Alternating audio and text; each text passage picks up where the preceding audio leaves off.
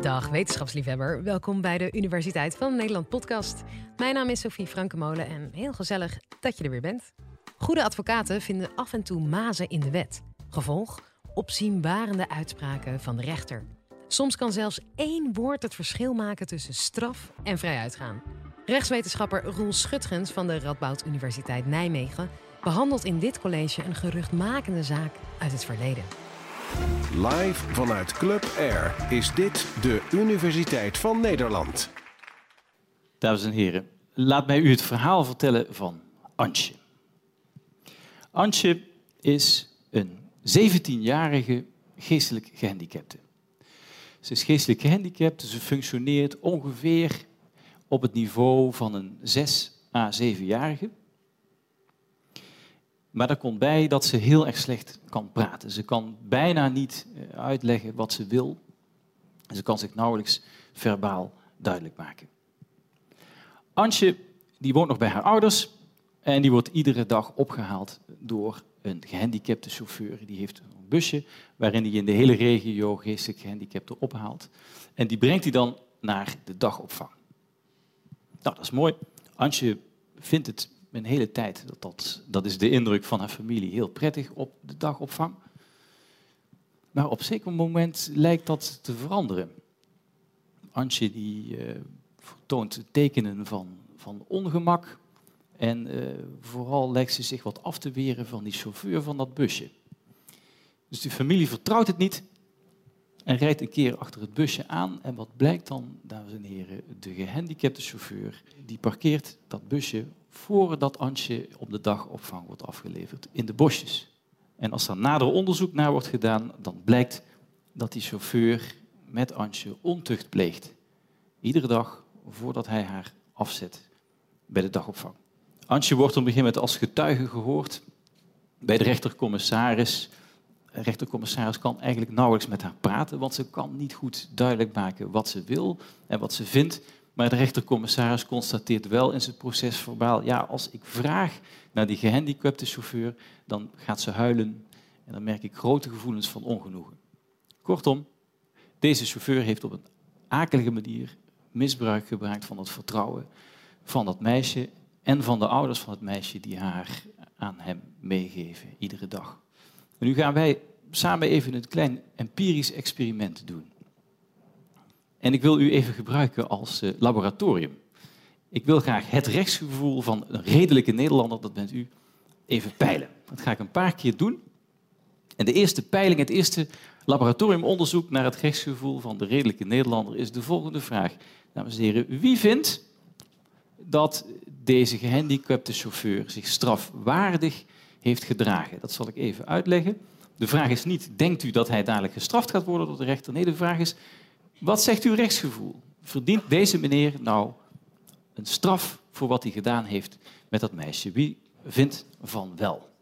Ja, ik heb geloof ik niemand gezien in de gauwigheid die vindt dat deze meneer hiermee vrijuit moet gaan. Dames en heren, dit dacht de officier van justitie ook. Hij dacht, deze meneer, die verdient een straf. Hij is ook met die man gaan praten en eigenlijk ontkende deze chauffeur ook niet dat hij seksuele spelletjes had gespeeld met het geestelijk gehandicapte meisje. Nu is natuurlijk de vraag voor de officier van justitie, op welke basis moet ik hier vervolgen? Het was geen verkrachting, want dan zou ze moeten hebben gezegd, ik wil dit niet. Het was ook geen ontucht met iemand onder de 16, want ze was 17. Maar officier van justitie vond in artikel 247 van het wetboek van strafrecht een bepaling die als volgt luidde. Hij die ontucht pleegt met iemand van wie hij weet dat hij in een staat van bewusteloosheid of onmacht, houdt u dat woord even vast, in een staat van bewusteloosheid of onmacht verkeert, wordt gestraft met een aantal jaren gevangenisstraf. Nou, mooie bepaling om zo iemand mee te vervolgen. En het gerechtshof, de één hoogste rechter in Nederland veroordeelde deze gehandicapte chauffeur dan ook op basis van artikel 247 strafrecht. Eind goed, al goed? Nee. Er was namelijk één probleem. De chauffeur had meester Spong ingehuurd. En Spong, dames en heren, dat is echt een goede advocaat. En wat doet een hele goede advocaat? Die gaat af en toe heel goed en hard studeren. En Spong is gaan studeren op de wetsgeschiedenis. De geschiedenis van de totstandkoming van het wetboek van strafrecht in 1881. En hij ontdekte daar het volgende. In 1881 is er gedebatteerd tussen de minister en de Tweede Kamerleden over alle bepalingen in het wetboek van strafrecht, ook artikel 247. Het oorspronkelijke ontwerp van die bepaling luidde anders. Oorspronkelijk stond er namelijk, hij die met een ander ontucht pleegt, van wie hij weet dat hij verkeert in een staat van bewustheid, onmacht of krankzinnigheid. Die woorden of krankzinnigheid die zijn er na het debat tussen de Tweede Kamer en de minister uitgehaald. Bewust is de term krankzinnigheid uit de wet geschrapt en er is toen verklaard, die term onmacht, die betekent alleen maar lichamelijke onmacht. Dus u moet zich voorstellen als iemand door epilepsie of uh, misschien een dwarslesie of zoiets dergelijks lichamelijk onmachtig is om zich te verzetten, ja, daarover gaat die strafbepaling. Maar de krankzinnigheid, een ouderwets woord voor een geestelijke handicap, is bewust door de wetgever eruit geschrapt. Nou was die wetgever niet helemaal gek in 1881, daar hadden ze wel een zinvolle gedachte voor. Wat men in 1881 vervelend vond, was dat de rechter zou worden opgezadeld met de vraag, als twee geestelijk gehandicapten bijvoorbeeld met elkaar seksuele omgang hebben, dat de rechter zou worden opgezadeld met de vraag, is hier nou sprake van krankzinnigheid of net niet? Waar ligt die grens?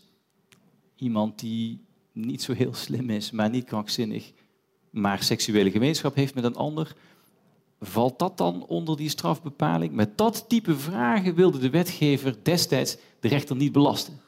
En toen heeft de wetgever radicaal het woord onmacht geschrapt uit de strafbepaling. En dat, dames en heren, was waar Spong de Hoge Raad aan herinnerde. En de Hoge Raad in zijn arrest begint met te herinneren aan het legaliteitsbeginsel. In het strafrecht, zegt de Hoge Raad, geldt een legaliteitsbeginsel. En dat wil zeggen, wij mogen alleen maar straffen opleggen als datgene wat wij bestraffen precies strafbaar is verklaard in de wet. En datgene wat buiten de wet valt, daar moeten we a contrario over redeneren. Dat wat buiten de wet valt, is niet strafbaar. En wij, zegt de Hoge Raad, voelen ons niet gerechtig, gerechtigd gelet op het legaliteitsbeginsel om de werking van de strafbepaling uit te breiden. Dus helaas, nou dat zeiden ze niet, maar toch helaas, dat zullen ze zeker gedacht hebben, wij moeten deze meneer vrijspreken. Dames en heren, dit is een prijs die je betaalt voor dat legaliteitsbeginsel, waarvan ik echt vind dat het een mooi en belangrijk beginsel is. De prijs die je daarvoor betaalt is de volgende.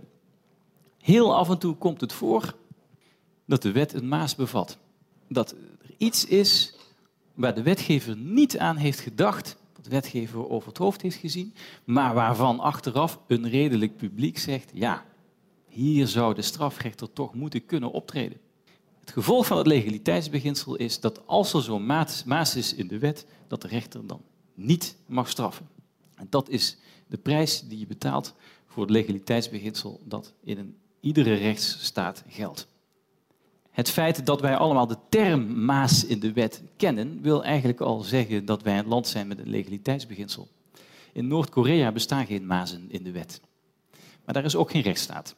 Als Kim Jong-un vindt dat u strafbaar bent, dames en heren, dan bent u dat. En hij trekt zich dan niet aan van eventuele mazen in de wet. Dat is in een rechtsstaat anders. Nou roept het arrest denk ik wel een paar vragen op. Ten eerste, had de hier nou niet anders kunnen interpreteren? Want weliswaar zeiden ze in 1881 heeft de wetgever dat dit geval over het hoofd gezien, maar er stond in de wet het woord onmacht en had de rechter nou niet kunnen zeggen dat leggen we zo uit dat Antje daar ook onder valt. Ja, ik moet eerlijk toezicht geven, er zijn juristen die beweerd hebben dat dit een slecht arrest is van de Hoge Raad en dat de Hoge Raad zo had kunnen en moeten interpreteren. En misschien is daar ook wel wat voor te zeggen. Maar goed, de Hoge Raad heeft zich gezien het legaliteitsbeginsel niet gemachtigd gevoeld om de betekenis van die wet op te rekken. Ten tweede, moeten wij ongerust zijn als wij geestelijk gehandicapte misschien in de familie hebben? Is die overgeleverd aan de goden? Nee, gelukkig niet. In reactie op dit arrest heeft de wetgever meteen de wet gewijzigd. En artikel 247 van het wetboek van strafrecht zegt nu dat je strafbaar bent als je ontucht pleegt met iemand die verkeert in de staat van onmacht of als hij zodanige geestelijke stoornis heeft dat hij zijn wil niet kan bepalen. Dus gelukkig, we kunnen gerust zijn, dit soort personen kunnen nu gestraft worden. Is die chauffeur zelf opnieuw vervolgd toen die wet werd gewijzigd? Nee. Want op dat moment, dames en heren, loop je weer op tegen datzelfde legaliteitsbeginsel.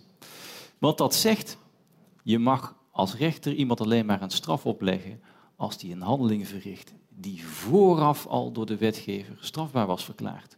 En hoezeer het ook zo is dat de wetgever nu dit heeft strafbaar heeft verklaard, die gehandicapte chauffeur is vrijgesproken en de nieuwe wet verandert daar niets aan. Je hoorde Roel Schutgens. Hopelijk vond je het een leuke aflevering en vind je dit sowieso een leuke podcast. En als dat nou zo is, laat dan een review achter van bijvoorbeeld, ja, ik noem maar wat, vijf sterren of zo. De volgende keer hebben we het over dat we steeds ouder worden en of dat wel zo'n goed idee is. Tot de volgende!